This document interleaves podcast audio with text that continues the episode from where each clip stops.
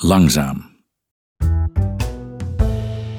Als een zielig, diep droevig hoopje ellende zat hij voor me. Een geslagen hond, een mislukkeling. Zie je wel, was zo'n beetje alles wat hij zei. Ik kan het niet. Tim heette hij, een snelle naam voor een niet zo snelle jongen. De eerste keer dat ik hem zag, had hij zijn moeder bij zich. Tim is een beetje langzaam, legde zijn moeder kloekend uit. En Tim, groot en plomp in zijn beigebruine vibra-trui, knikte. Maar het ging vervolgens hartstikke goed. Tim was een buitenmens en kreeg een plekje bij het groenonderhoud. Hij deed zijn best, toonde ook verantwoordelijkheidsgevoel en steeds minder hoorden we het ik ben een beetje langzaam uit zijn mond.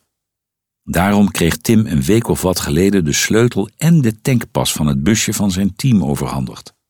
Hij werd chauffeur, de baas van het busje. Apetrots was hij.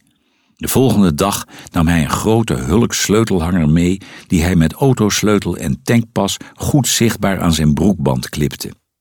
Plaagstootjes dat hij wel nooit een snelheidsbekeuring zou krijgen, liet hij goedmoedig van zich afglijden.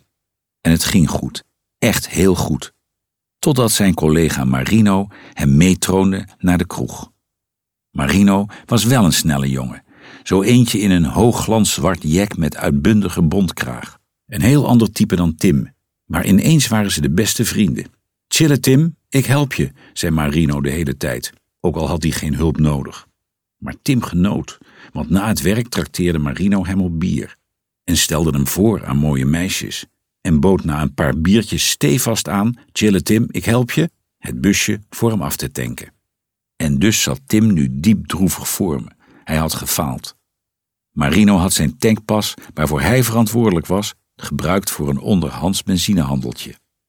Het kostte tijd om hem ervan te overtuigen dat hij niet moest opgeven, dat het niet zo erg was dat hij af en toe een beetje langzaam was, als hij maar van zijn fout leerde. Vanmorgen zat hij opnieuw bij me, maar nu niet als ellendig hoopje.